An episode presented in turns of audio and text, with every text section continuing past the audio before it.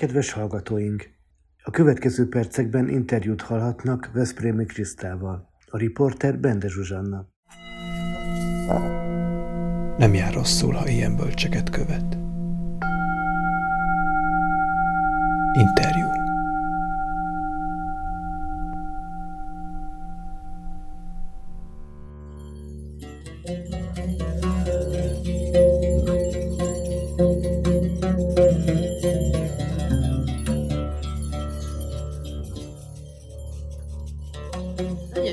Szeretettel köszöntjük a Butha FM rádió hallgatót Veszprémi Krisztával, fordítóval ülünk és beszélgetünk. Szia Kriszta!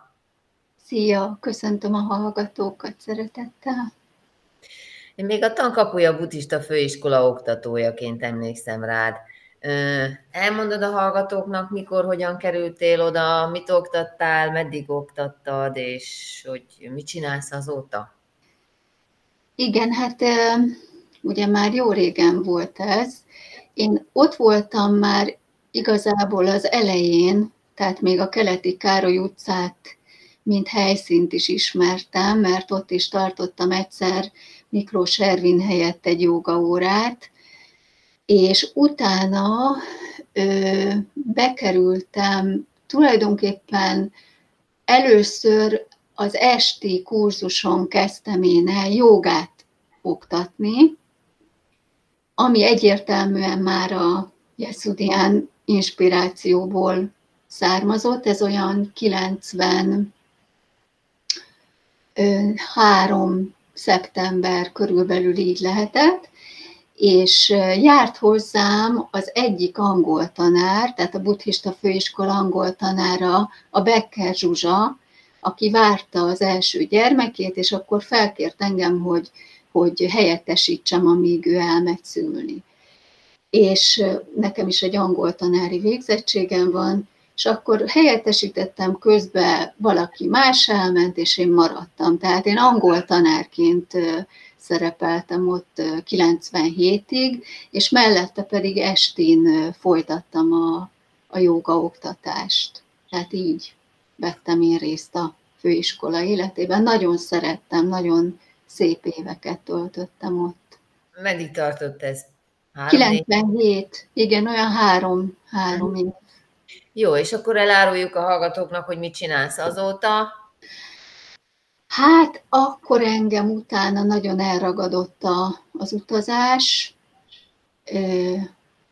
India, arról majd így mesélek, szerintem még később egy kicsit, és utána meg gyermekeim születtek, akkor amiatt maradtam itthon, és végül a fordítás lett az, amiben én így megtaláltam, a, talán úgy mondanám a hivatásomat, és a könyvek között hát ott szerepelnek a Jeszudián könyvek is, amelyek már ugye kint íródtak Svájcban, és nem jelentek meg addig magyarul, tehát a Lazi kiadó kezdte újra megjelentetni a Jeszudián könyveket, kezdték sorrendben a sport és jogával 2001-ben, és a sport és jogának a folytatása, ez a joga hétről hétre, amit már ö, Istókkal, Maliktót István, ő az én párom, ketten fordítottunk, és először akkor jelent meg magyarul, majd 2005-ben a joga áldásos ereje szintén a Lazi jó voltából, tehát így ezek a szövegek elérhetővé váltak. Uh-huh. Közben ugye Hajcs Erzsébettől 96-ban jelent meg a beavatás. Ő azt már Svájcban írta 53-ban, de 96-ra ért ide. Az Édesvíz adta ki először egy kétkötetes változatban, aztán megjelent egy nagyon szép kiadás később. Hogy ezt is te fordítottad? Nem, az, az nem az én fordításom, csak ezt így zárójelben uh-huh. megértem, hogy így jöttek ők aztán vissza a könyv, könyvek szintén. Most már akkor elárulhatjuk, kiderült a, a, abból, amit mondtál, hogy, hogy Jeszudián lesz a központi témánk, és Hajcs Erzsébet az ő párja volt. Ezt nagyon sokan nem tudják egyébként Magyarországon, mert mindenkinek csak a Jeszudián marad meg valahogy, pedig tényleg ott van, mint társszerző, majdnem az összes könyvén, hogyha nem az összesen, én ezt nem tudom pontosan, de hogy számomra is ilyen ö, megdöbbentő volt, hogy, hogy egy magyar nő hogy jön a képbe, ugye? De hogyha nem bánnád, tehetnénk esetleg egy, egy kis kerülőt, Magyarországon, meg a te sztoridon keresztül is, hogy, hogy, hogy majd azt később persze, hogy, hogy te hogy kerültél kapcsolatba a jogával, de hogy, hogy egy kicsit a magyarországi joga történetét, hogyha átvennéd velem, azt hmm. megköszönném, hogy milyen szereplők voltak, kik jutottak el ide és mikor, és csak úgy ennyit, ugye olyan neveket, meg az év, kb. az éveket, hogy igen, hát, én ezt Jesztudián kapcsán elkezdtem kutatni ezt a joga történetet, és igazából ugye azt mondhatjuk, hogy főleg a két világháború között az egy, az egy nagyon, nagyon inspiratív, egy nagyon szellemileg, kulturálisan egy, egy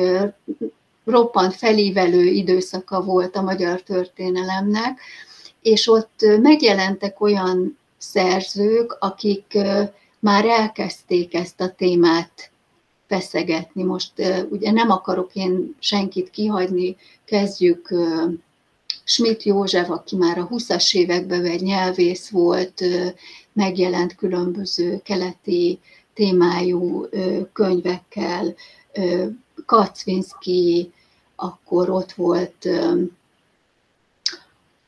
Baktai, ugye nagyon fontos szereplő, ő ebbe a Jeszudián halcskörbe is ott lesz, mint személyes jó barát.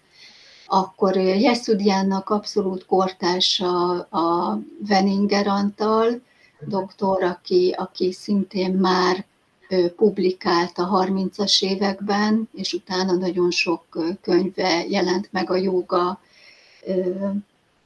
témakörében. Ugye jelen voltak Magyarországon már a teozófusok, tehát például megjelent egy Bagavat Gita fordítás egészen, az, az még ott az első világháború előtti kiadás, talán 13-ban. Tehát, hogy itt, itt hozzáférhető volt már irodalmi szinten, szövegszinten egy csomó minden, az első ember, akiről konkrétan tudjuk, hogy ő jogát tanított, tehát embereknek elérhetővé tette magát, az a, a Bakta Jervinnek a sógora volt, aki az egyik nővérét vette el feleségül, egy szik főnemes, akit úgy hívtak, hogy Umraó Sergél. Ő egyébként az Amrita Sergélnek az édesapja, aki a modern indiai festészet egyik legnagyobb női festőjévé vált, aztán sajnos nagyon korán elment. És ugye az történt, hogy amikor Londonban megismerkedett a baktai nővére és ez a, ez a dúsgazdag panjabi nemes, és összeházasodtak, először elmentek Indiába, de amikor állapotos lett az asszonyka, ő azt szerette volna, hogy Magyarországra jöjjenek, itt szülné meg a gyermekét.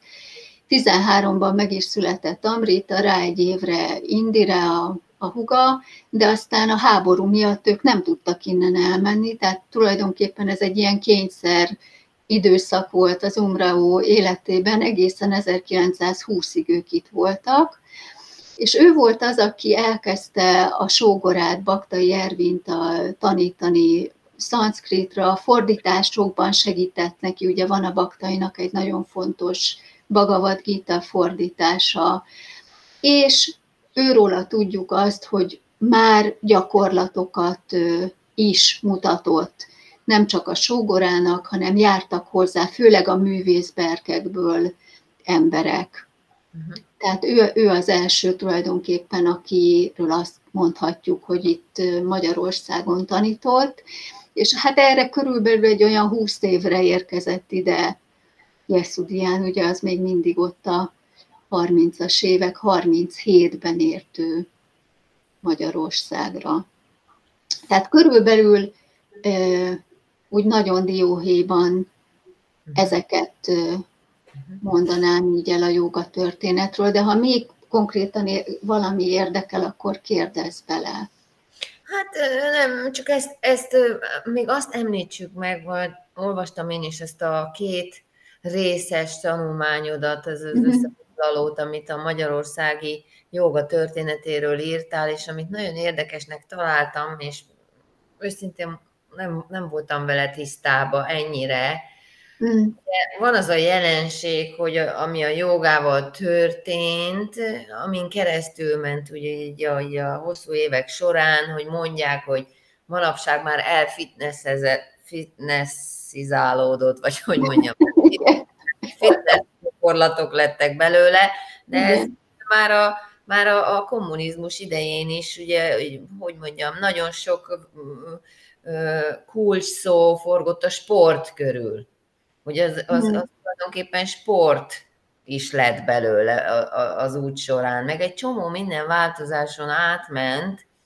Igen. Az istókkal is megbeszéltük, hogy a, hogy a világba elérkezett, mi minden behatás érte, meg akár, ahányan voltak, tulajdonképpen annyiféleképpen értelmezték. Aki orvos volt, az valahogy az egészség szempontjából ment neki, és értette úgy, ahogyan értette, és hogy hogy rengeteg ága van ezért, de hogy amit, font, amit érdekesnek találtam Magyarországon, hogy ebben az államnak is nagy szerepe volt tulajdonképpen ebben, hogy a sport aspektusa emelődött ki itt Magyarországon, legalábbis a korai szakaszban, vagyis hát ebben a inkább a kommunista szakaszban, vagy szocialista szakaszban, és, és hogy ennek tulajdonképpen ez is egy oka volt. Tehát nem, nem, nem csak az, hogy, hogy van egy ilyen eleme a jogának, amit ki lehet domborítani, és a sporthoz van köze, hanem hogy volt egy ilyen kényszer is a, a, a, a publikálók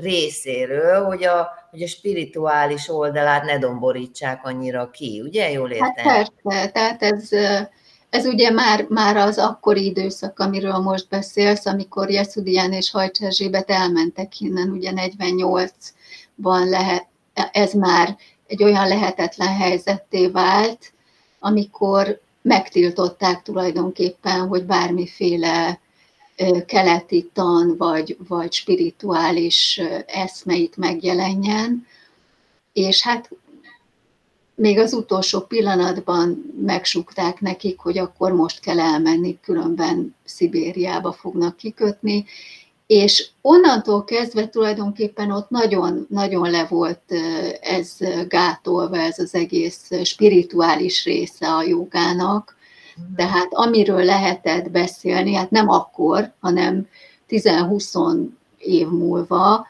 az, az a gyakorlás, ami egy, egy át lett téve ugye egy ilyen fizikai szintre, próbálták lecsupaszítani, amennyire lehet a szellemiséget, hogy, hogy engedélyezve legyen. Tehát ugye próbálta az épp aktuális szerző úgy beállítani, mintha ez egy ilyen ártatlan testgyakorlat lenne, ami még milyen jót is tesz a magyar nemzetnek. Hozzáteszem, hogy ugye a, sport és joga, amit Jeszudian adott a könyvének, egy kicsit abban is benne van ez, Ab, a, akkor még, amikor ő azt írta, nem volt kapcsolatban Hajcs Erzsébettel, és egy Balog Barna, dr. Balog Barna segített neki, amivel aztán problémák is lettek, mert állítólag belerakott olyan dolgokat, ami nem a Jeszudiántól származott, és azért kellett egy kicsit újra írni ezt, és ha ugye a következő kiadások már 41 után, amikor Hajcs Erzsébettel ő találkozott, azok már kettőjük nevén jöttek ki, de az első az még Jeszudián névvel, és a Balóg Barna volt állítólag, aki, aki nagyon ez, e felé vitte ott is, hogy a sport, a sport, ugye az, az, az, az nagyon fontos, és a fotók, amik a könyvben megjelentek, azok is mind erre voltak kihegyezve ilyen beállított műtermi, nagyon szép, nagyon retusált, mondjuk tényleg szép volt Jeszudián, tehát nem kellett szerintem nagyon retusálni rajta, de, de kicsit el lett erre felé víve Uh-huh, a uh-huh. könyv. Na jó, hát végül is aztán később nyilván voltak, akik visszahúzták a megfelelő mederbe, tehát ez egy ilyen, ez Meg egy ilyen is vettek onnan a könyvből aztán, mikor a, Hajcs Erzsébet már ebben részt vett, akkor ott onnan szépen kilettek vágva olyan dolgok, ami vállalhatatlan volt a Jeszudián számára is, úgyhogy Igen, de azért érdekesnek találtam, ezt is nyilván a te tanulmányodból veszem, hogy 1941-ben Magyarországon volt Európa első jogaiskolája. Igen, igen, igen, igen. És ezt egyébként Jeszudián mondta, tehát ez az ő, ő, ő, ő mondata. Közben ugye felbukkant egy olyan nézet, hogy 37-ben Berlinben volt már egy iskola, egy Boris Szaharov nevű ember indította, aki aztán 50 német városban tanított. De ez igazából nem volt egy klasszikus joga iskola, tehát nem olyan volt, mint a Jeszudián Hajcs iskola. Ő a Sivanandával, aki, akitől úgymond tanulta a jogát, csak 47-ben tudott találkozni. És maga, maga ez az iskola inkább még, még a testnevelés rész, tehát megint csak ez a sport, testnevelés, tehát nem, nem, nem a joga volt még a, a hangsúly. Utána elment ő a joga fele, ez egyértelmű, de nem véletlen, hogy a Jeszudián azt mondta, hogy 41-ben ez volt tényleg az első jogaiskola, ahol klasszikus jogával lehetett találkozni. Amit ő egy teljesen autentikus jogamestertől Indiából hozott át ide. értem. Úgyhogy ebben az értelemben ez, ez, ez így volt. Uh-huh. És kit tartott mesterének Jeszudián? Hát ugye ő, ő, ő úgy mondja, hogy több mestere volt, akitől a hathajogát tanulta, ami ugye az életét megmentette, mert ő egy rettenetesen beteges kisgyerek volt, és végigment az összes szörnyűséges trópusi betegségen, utána kapott egy tüdőgyulladást, amiben majdnem meghalt, és akkor 14 évesen diagnosztizáltak nála egy izomsorvadást, ami ugyanúgy nyugaton, keleten az egy gyógyíthatatlan betegségnek számít. Az ő szülei mindketten az Ayurvédában járatos orvosok voltak, és nem tudtak vele mit kezdeni, és akkor ugye már odáig fajult ez a dolog, a széltől is óvták, nem tornázhatott, tehát fel volt mentve, sorva, tehát szó szerint egy ilyen kis nyűzüge, vékony fiúcska volt, és egyszer csak fogta magát, elszökött ott Madras, ez Dél-India, Tamil Nadu állam, és egy mangol ligetben egy vándorjogival találkozott, ez a Mohan Singh. Őt, ne, őt, őt szokta hathajóga mestereként megnevezni, akitől kapta azokat a gyakorlatokat, amivel tulajdonképpen le tudta ezt a halálos betegséget győzni, és lett belőle az a gyönyörű ember, akit aztán a sport és jogában már láthatunk. Akitől a szellemi tanítást kapta, az pedig a Hajcs Erzsébet. Tehát Na, Ez azért egy érdekes dolog, igen, nem? tehát olyan módon alkotnak párt, és ez nagyon fontos, hogy amikor ugye a Jeszudián eljött Indiából, hát ő egy nagyon-nagyon fiatal ö, ember volt, tehát éppen 20 éves elmúlt, 21 évesen érkezett ide. És neki ott nem volt egy ilyen klasszikus szellemi képzése, tehát ő, ő a Mohan Singhtől kapta a gyakorlatokat, kapott biztos valamennyi magyarázatot hozzá, de egy ilyen tanítás szintű képzésben ő nem részesült. És ugye a sors fintora, hogy eljön ide nyugatra, és itt találkozik egy olyan hölgyel, a Hajcs Erzsébet, aki egy arisztokrata családnak a gyermekeként született Budapesten, művésznő, zongoraművésznő, szobrászművésznő, fest, fantasztikus dolgokat csinál, és ért mind a keleti, mind pedig a nyugati tanokhoz. Ő 39-től kezdve előadásokat tartott már Budapesten, és ugye ebbe találkozott már ő a Jeszudiánnal, hogy valaki, akkor a Jeszudián itt már, már elkezdett ugye előadásokat tartani, megjelent a sport és joga, tehát a nevét ismerték, őt mint jelenséget ismerték, és valaki egyszer csak mondja neki, hogy van egy, egy Budapesten egy hölgy, aki a jogáról tart előadást. Ugye a keleti tanokról a Bhagavad Gitát ismeri, ismerte a Bibliát is, a nyugati filozófiákat is, de hogy ezeket a keleti dolgokat. És az fogta meg a Jeszudiánt, hogy hoppá, joga, meg. És őt mindent, amit ő aztán elméletben meg kellett kapjon, azt mindent a Hajcs Erzsébettől kapott meg. Tehát őt, őt tekintette egyértelműen ebben a mesterének. Uh-huh.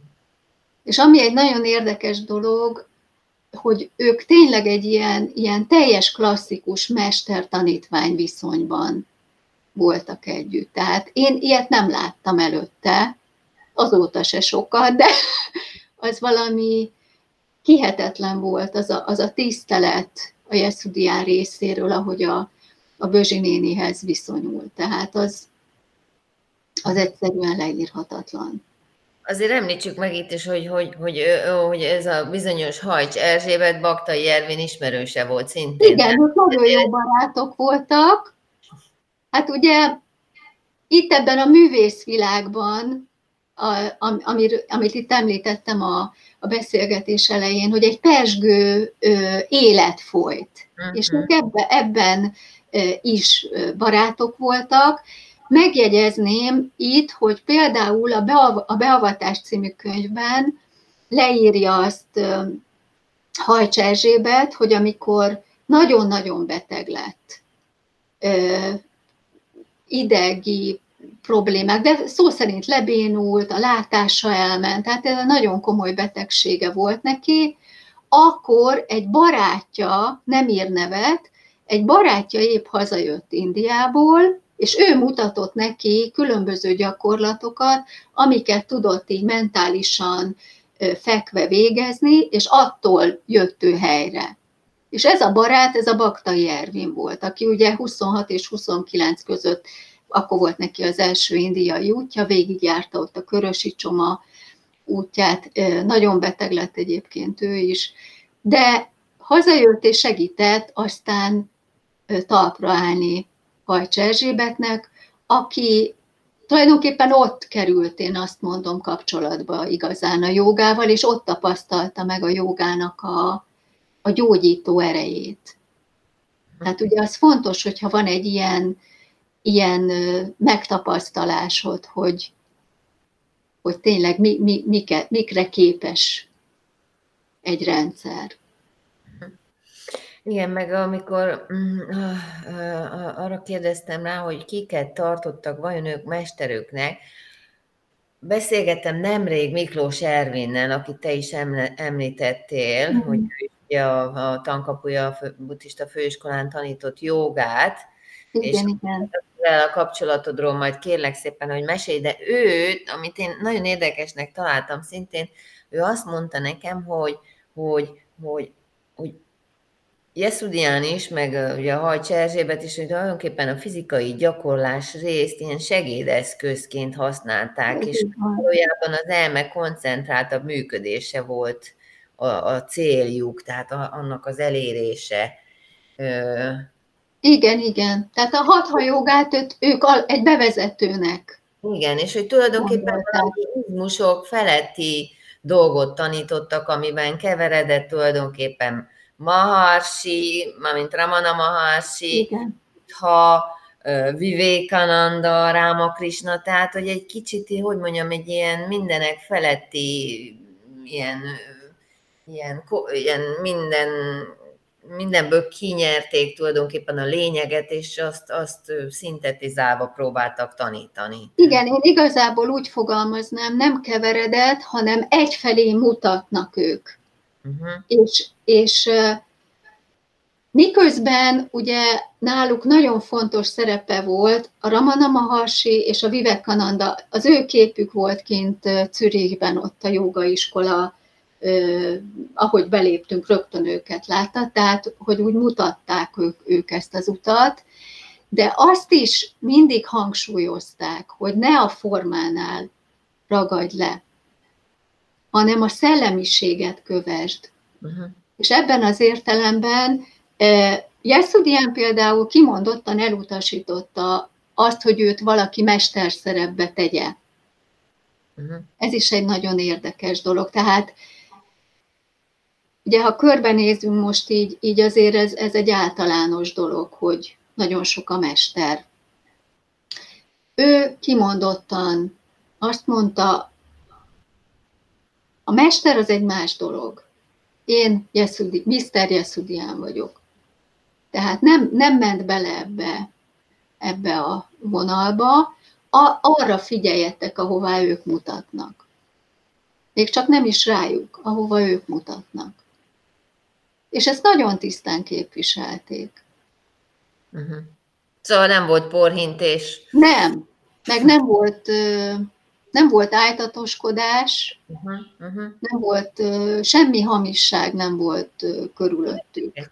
Akkor térjünk rá, Kriszta, mert te, te vagy a második, akivel találkozom már így élőben, aki, aki járt ott náluk tulajdonképpen ebbe igen, a svájci kastélyba vagy villába. Igen hogy erről mesélj, hogy hogy kerültél oda, és, és mit tapasztaltál? Hát így röviden, ugye én 89-ben kezdtem el jogázni, az sem a volt, és a joga nekem egyrészt nagyon ráismertem arra, hogy, hogy ez az enyém. Tehát végre valami ebbe az életbe, ami, ami teljesen százszázalékosan az enyém, Másrészt pedig olyan élethelyzetben voltam akkor, hogy, hogy a joga mint egy ilyen mentőkötél lett nekem bedobva, tehát rettenetesen kapaszkodtam belé, folyamatosan gyakoroltam, és ez a, ez a nagy elszántság, ez a nagy eltökéltség egyszer csak elvitt engem a Jeszudiánhoz, tehát nem tudok jobban fogalmazni. Fizikai szinten az történt, hogy hogy én ismertem a Jeszudián könyvét. Ugye minden családban általában itt-ott azért volt, nálunk is volt egy ilyen kis megsárgult példány, amit néha én így néztem, de aztán nem tudtam vele nagyon mit kezdeni, mert hogy régi volt, biztos, hogy már nem él, stb. stb. És egyszer csak 91-ben kiderült számomra, hogy él. Tehát a Jeszudián egy élő ember, és ez valami olyan erővel hatott rám, és így kerültem én az Ervinhez, ő akkor már tanított. Ugye a Jeszudiánhoz ő járt ki 86-tól kezdve, tehát ő, ő tanított akkor már ötödik, nem biztos, hogy akkor egyből elkezdte, de mindegy, tehát ő már tanított, ő már, ő már benne volt ebben a rendszerben, és és amikor nála kezdtem gyakorolni, na akkor végképp azt éreztem, hogy ez az én vonalam.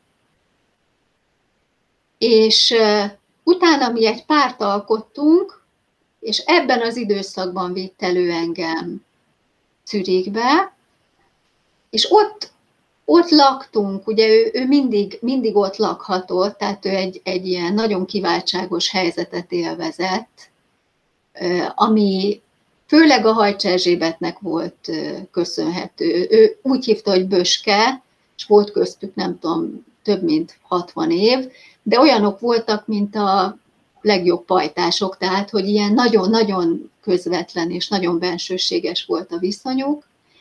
És én ugye igazából úgy mentem oda, hogy csak az Ervin csatornáját ismertem. Tehát nekem nem volt előképem se a Jeszudiáról igazából, se a Hajcsezsébetről, semmi. Megérkeztem, és, és hát én ilyet nem láttam még előtte. Tehát, hogy mennyire voltam akkor tudatos, azt nem, az, az, az így már nehéz így visszanézve. Amit tisztán érzékeltem, hogy itt valami teljesen más van, mint amit eddig én tapasztaltam. Tehát nem volt semmi hókusz-pókusz.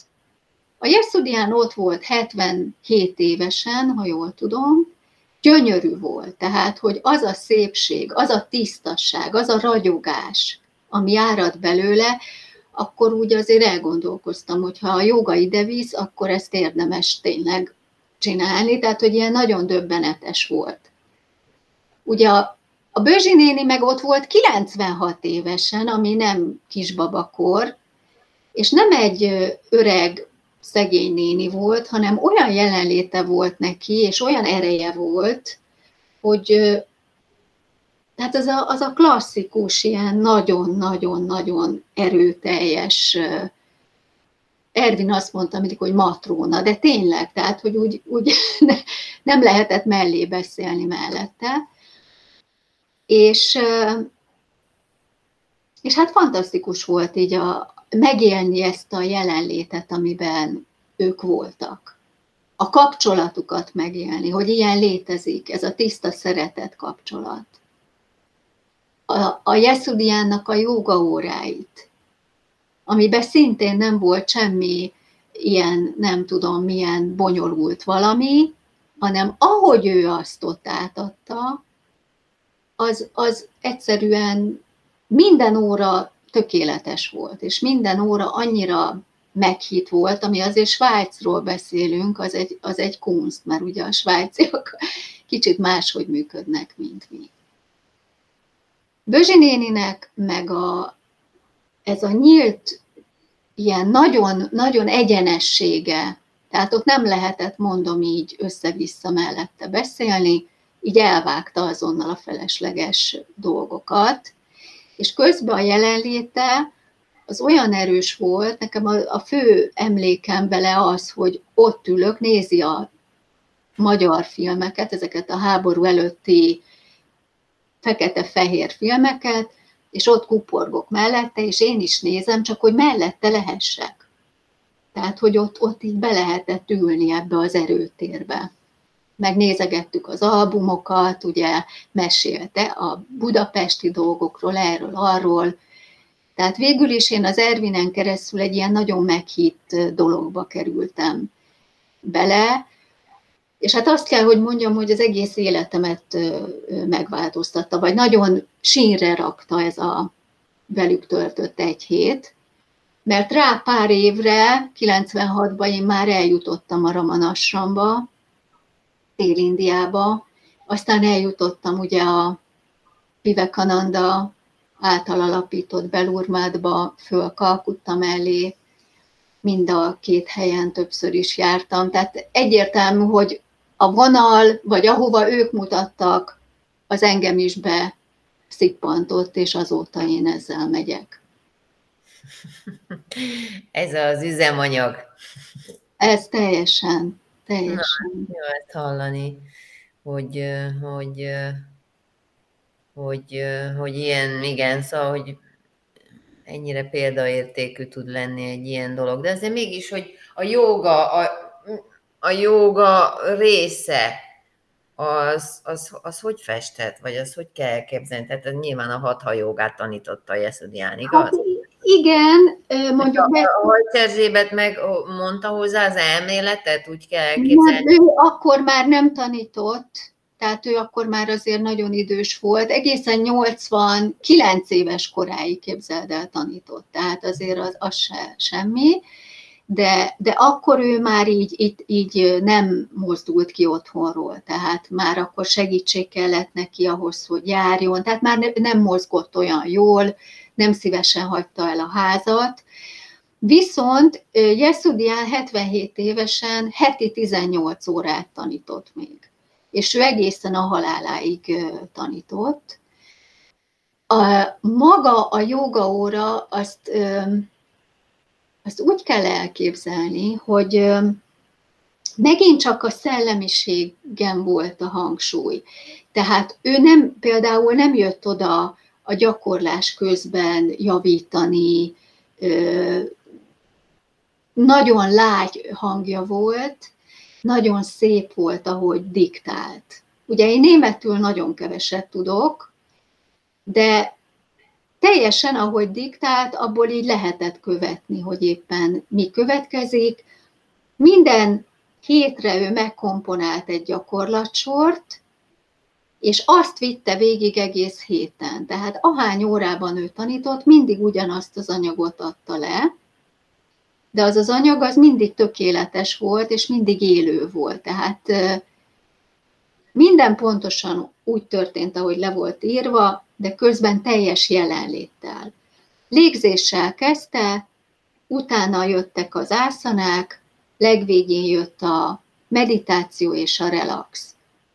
Ez körülbelül egy olyan 45 perc volt, így a maga ez a sor, és utána jött tulajdonképpen a lényeg, amikor ő oda tette magát, és azt mondta, hogy lehet kérdezni. Tehát abban a, abban a teljes csendben, ugye itt egy, egy nagy jogatermet kell elképzelni, ahol én voltam Zürichben, tehát nem tudom, 50-60 ember. És az a teljes odafordulás, az a teljes csend, és akkor lehetett tőle kérdezni, és igazából szerintem ott jött a lényeg. Ő elkezdett mesélni, mondom, én megint csak nem nagyon értettem, elhangzott a Budapest sokszor, a Frau Hajcs, a Hajcsasszony, de, de ahogy ő mesél, tehát az a, az a ragyogása az arcán, tehát az emberek azok, azok szerintem rengeteg mindent kapnak ezekből a kérdés felelek részekből. Hát ezek mondjuk ilyen szatszangnak hívják a, a modern ö, terminussal, és teljesen elérhetővé tette ő önmagát így, így, így a tanítványoknak. De nagyon szép kapcsolatban volt így az emberekkel. Hozzáteszem itt, hogy a magyar tanítványokkal is, tehát akiket ő kénytelen volt itt hagyni, tartotta a kapcsolatot. Ugye nem jöhettek vissza, levelez, levelezett, küldött gyakorlatokat, küldött írásokat, tehát megmaradt egy nagyon-nagyon szoros kapcsolata. És hogyha magyarként te ki tudtál jutni, ugye az én időben már 93-ban nem volt olyan nagy kunst, de hát ott a 60-as, 70-es, 80-as években nem volt könnyű, a magyarok ingyen mehettek az óráira, ami hát nagyon drágák voltak azok az órák a magyar pénztárcának. Tehát, hogy mindig, mindig kimutatta a magyarok felé ezt a mély szeretetét.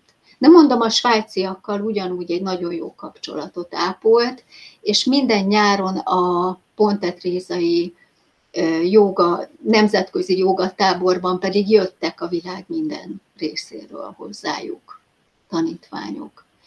Ott Ajcs Erzsébet még sokáig úgy tanított, tehát a hatha joga részt is, visszatérve a kérdésedre, hogy tehát nem csak az elméletet tanította, hanem júniusban, minden évben, a június az a Jeszudiáné volt, akkor pihennie kellett, ugye, mert ezt a ezt a folyamatos menetet egy kicsit ki kellett kapcsolni, és akkor Bözsi néni tartotta a hatha órákat is, és az elméletet, a beszélgetéseket.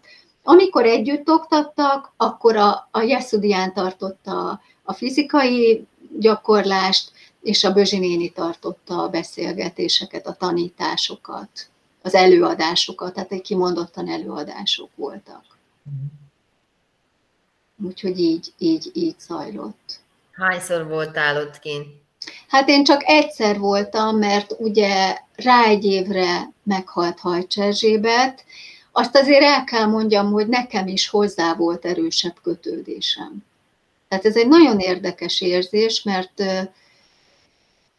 ö, hát megfogalmazni ezt nehéz, de egyértelmű, hogy, hogy hogy a Jeszudián felé is éreztem egy mély kapcsolódást, de a Hajcs Erzsébet felé egy olyat éreztem, hogy mintha az első mesterem lett volna.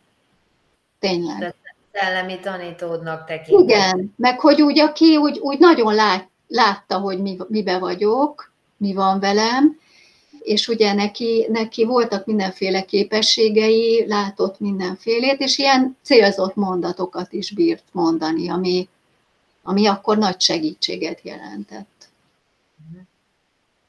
Úgyhogy, ja. Akkor tulajdonképpen, hogy mondjam, akkor ez nem is talán nem is a joga volt itt fontos, mert mondjuk megint, hogy mi a joga, ugye, tehát ez is ugye igen, igen. Lehet írni róla tengernyi könyvet még ma, ma, máig is, és mindenki más mond, hogy mi a joga, de hogy, hogy tulajdonképpen egy olyan szellemi ö, ö, ö, apanást kaptatok itt, ami, ami, ami elköteleződést jelentett ezzel a dologgal, hogy amit a Maharsi is tanít. Tehát szerintem a Maharsi az nem is sejti ezt a, ezt a szót a, a egyik könyvében se, hogy jóga, nem? Tehát, hogy ő nem Igen. beszél technikákról, hanem ugyanála Igen, az ő... de, de azért fontos, hogy ez bele volt ebbe a közegbe itt ágyazódva. Tehát a joga az egy nagyon szépen működő rendszer. És ugye amíg az energiáit szétziláltak, amíg teljesen ki vagy billenve, addig nagyon fontos, ez a hatha jóga rész, ugye, ami lehet más is, tehát én most nem, nem, csak, nem azt mondom, hogy csak a hatha jóga működik, de a hatha jóga az egy tökéletes rendszer ahhoz, hogy eljussál egy olyan állapotba, ahol tényleg már kihegyezetten, összpontosítottan egy olyan dologra tudsz figyelni, amire addig nem tudsz figyelni, amíg szanaszéjel vagy szóródva. Mhm. Ki vagy billenve. Nem működik. Ha mondjuk, azt kérdezném, hogy mi, mi, miben láttad a joga lényegét a, akkor, akkor az ez lenne, hogy az elme összpontosítási képessége? Tehát, hogy már nem szétszórt a gondolatoknak, mondjuk meg tudod adni az irányát, vagy esetleg gondolatot tudsz váltani, tehát, hogy nem önálló életet élnek a... a, a nem, meg. Nem. Tehát nem, nem a gondolatokról van szó, hanem, hanem a figyelemnek az irányáról, inkább azt mondanám. Tehát főleg nyugaton ez a, ez a rendkívüli módon kifelé irányuló, irányuló figyelem, ami, ami borzasztóan szét, szétszedi ugye a figyelmet, hogy egyszerre ezerféle dolog szól, és, és idemész, odamész, stb. Tehát ha az a mozdulat, meg tud történni, hogy ezt a figyelmet befelé fordítod. Igazából ott kezdődik el valami. Uh-huh. És a joga tökéletes eszköz erre. Uh-huh. Uh-huh. De amíg teljesen szét vagy szórva, tehát e- ezt próbáltam mondani, addig nem tudod a figyelmedet befelé fordítani, mert konkrétan egy percig nem tudsz a fenekeden ülni. Persze, nyilván. Tehát nem tud, a... tehát nem sem, semmi, zizegsz, nyüzsögsz, idemész, odamész, erre figyelsz, arra figyelsz, de amikor ez a mozdulat megtörténik, ezt éreztem ott meg talán, akkor én, én akkor még nem voltam erre tudatos. De hogy ott ül a Jeszudiánnál az az ötven ember, és az a figyelem, ami így visszahúzódik, az ászanákon, a légzésen, a szatszangon, a beszélgetésen keresztül, az egy nagyon erős mozdulat. Tehát ez, ez, ez, ez jött le nekem ott, ott talán. És még mindig, tehát azóta azért eltelt 25 év, vagy még több, nem? Vagy nem is tudom. Több, hát, elég, és ma is így látod -e a lényeget, vagy Változott a jogához való viszonyod, vagy a jogáról alkotott képed az idők során? Hát ez, ez amit, amit mondtam neked, hogy, hogy engem a joga elindított ezen az úton, tehát hogy én nagyon-nagyon-nagyon hálás vagyok, de valahol a lényeg számomra az az, az hogy túllépni ezeken a formákon. Uh-huh. Ami nem jelenti azt, hogy, hogy többet nem gyakorolok, vagy, vagy nem érdekel ez az egész már. Tehát ez, ez, ez, ez nem ezt jelenti, mert igenis szükségem van arra, hogy így egy kicsit nyújtózkodjak reggel, ászanákat végezzek, de a figyelem az nekem elég hamar átment egy másik szellemi joga síkjára, tehát nem tudom ezt jobban talán megfogalmazni. Tehát, tehát az, az, az kezdett el teljesen magával ragadni, ahová a Bagaván, a Sriramana Maharshi, ahová Vivékánanda, ahová a Sri Krishna mutatnak. És onnantól kezdve ez, ez, ez, ez ami, ami, amivel én megyek. Uh-huh. Amiben persze mindig belefér ez az amaz, meg újabb dolgok, meg, de valahogy az irány az, az nekem nagyon egyértelmű lett. Uh-huh. És az Ervinnek is nagyon egyértelmű volt. Tehát mi azért tudtunk aztán nagyon jó barátságban maradni, ugye ő tavaly októberben ment el, mert, mert végig a, a figyelme, neki is mindenféle volt az életében, de a figyelem az nagyon, nagyon tisztán neki is ott tudott maradni. Úgyhogy... Jó, hát igen, érdekes. Érdekes. Van-e valami olyasmi, amit szívesen megosztanál még a hallgatókkal, és én tudtom, mon kívül van a dolog, tehát rákérdezni se tudok, ami, ami, ami, ami szerinted érdekes még, és elmondaná. Ugye Jeszudiánnal kapcsolatban, vagy magaddal kapcsolatban, tehát én szeretem nagyon, hogyha a személyes leveszik a figurát a kedves interjú alanyok, de hát ezt nem... hát, nem igen, talán azt osztanám meg, hogy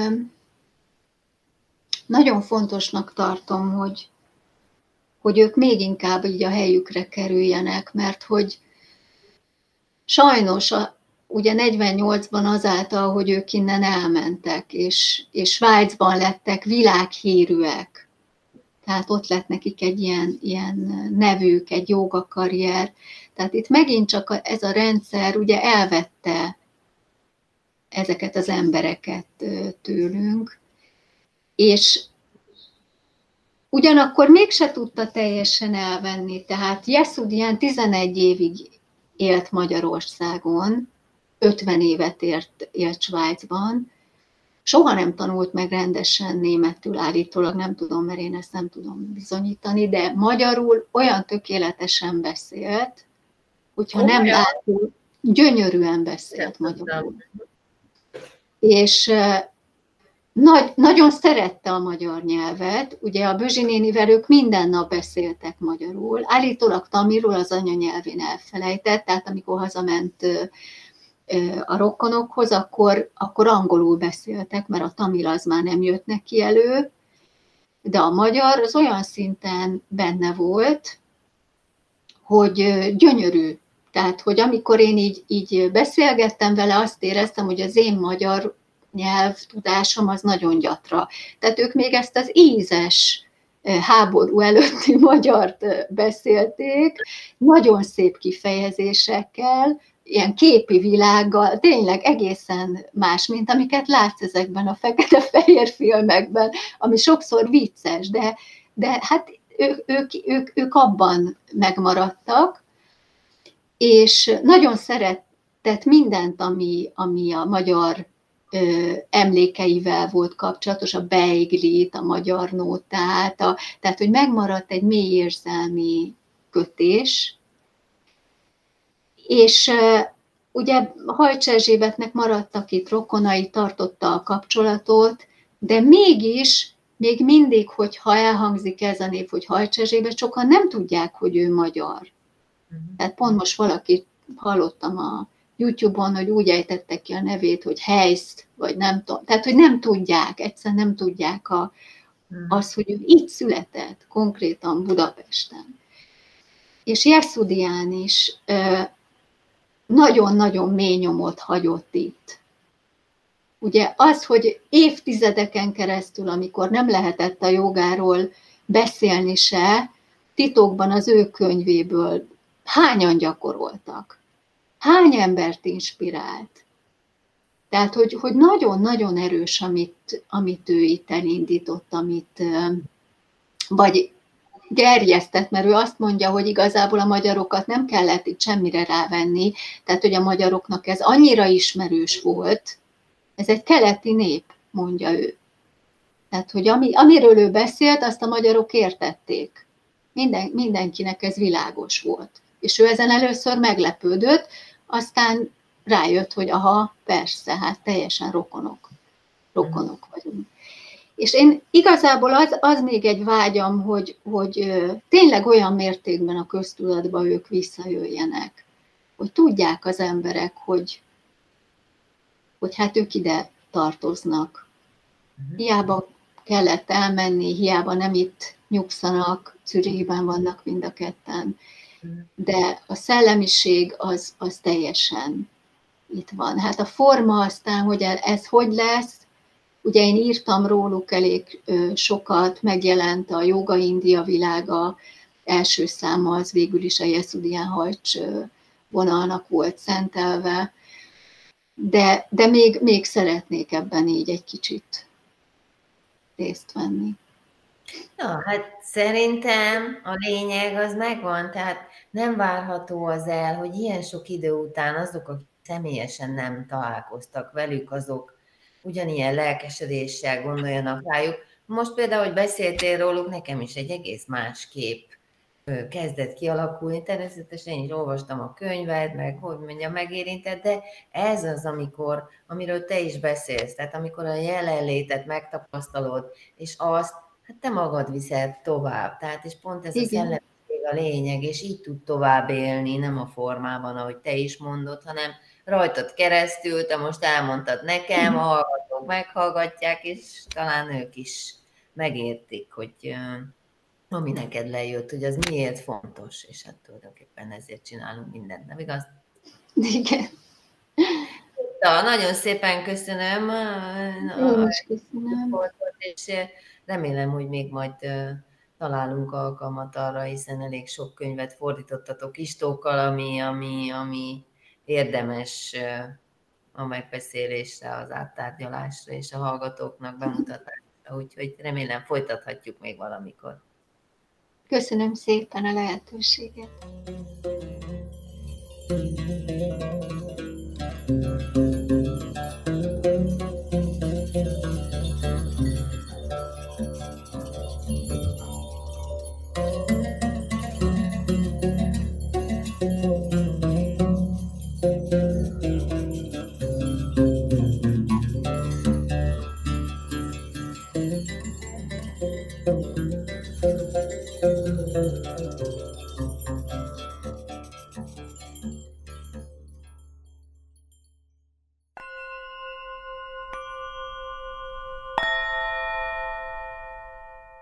Interjút hallhattak Veszprémi Krisztával, a riporter Bende Zsuzsanna volt. Köszönjük, hogy hallgatnak minket!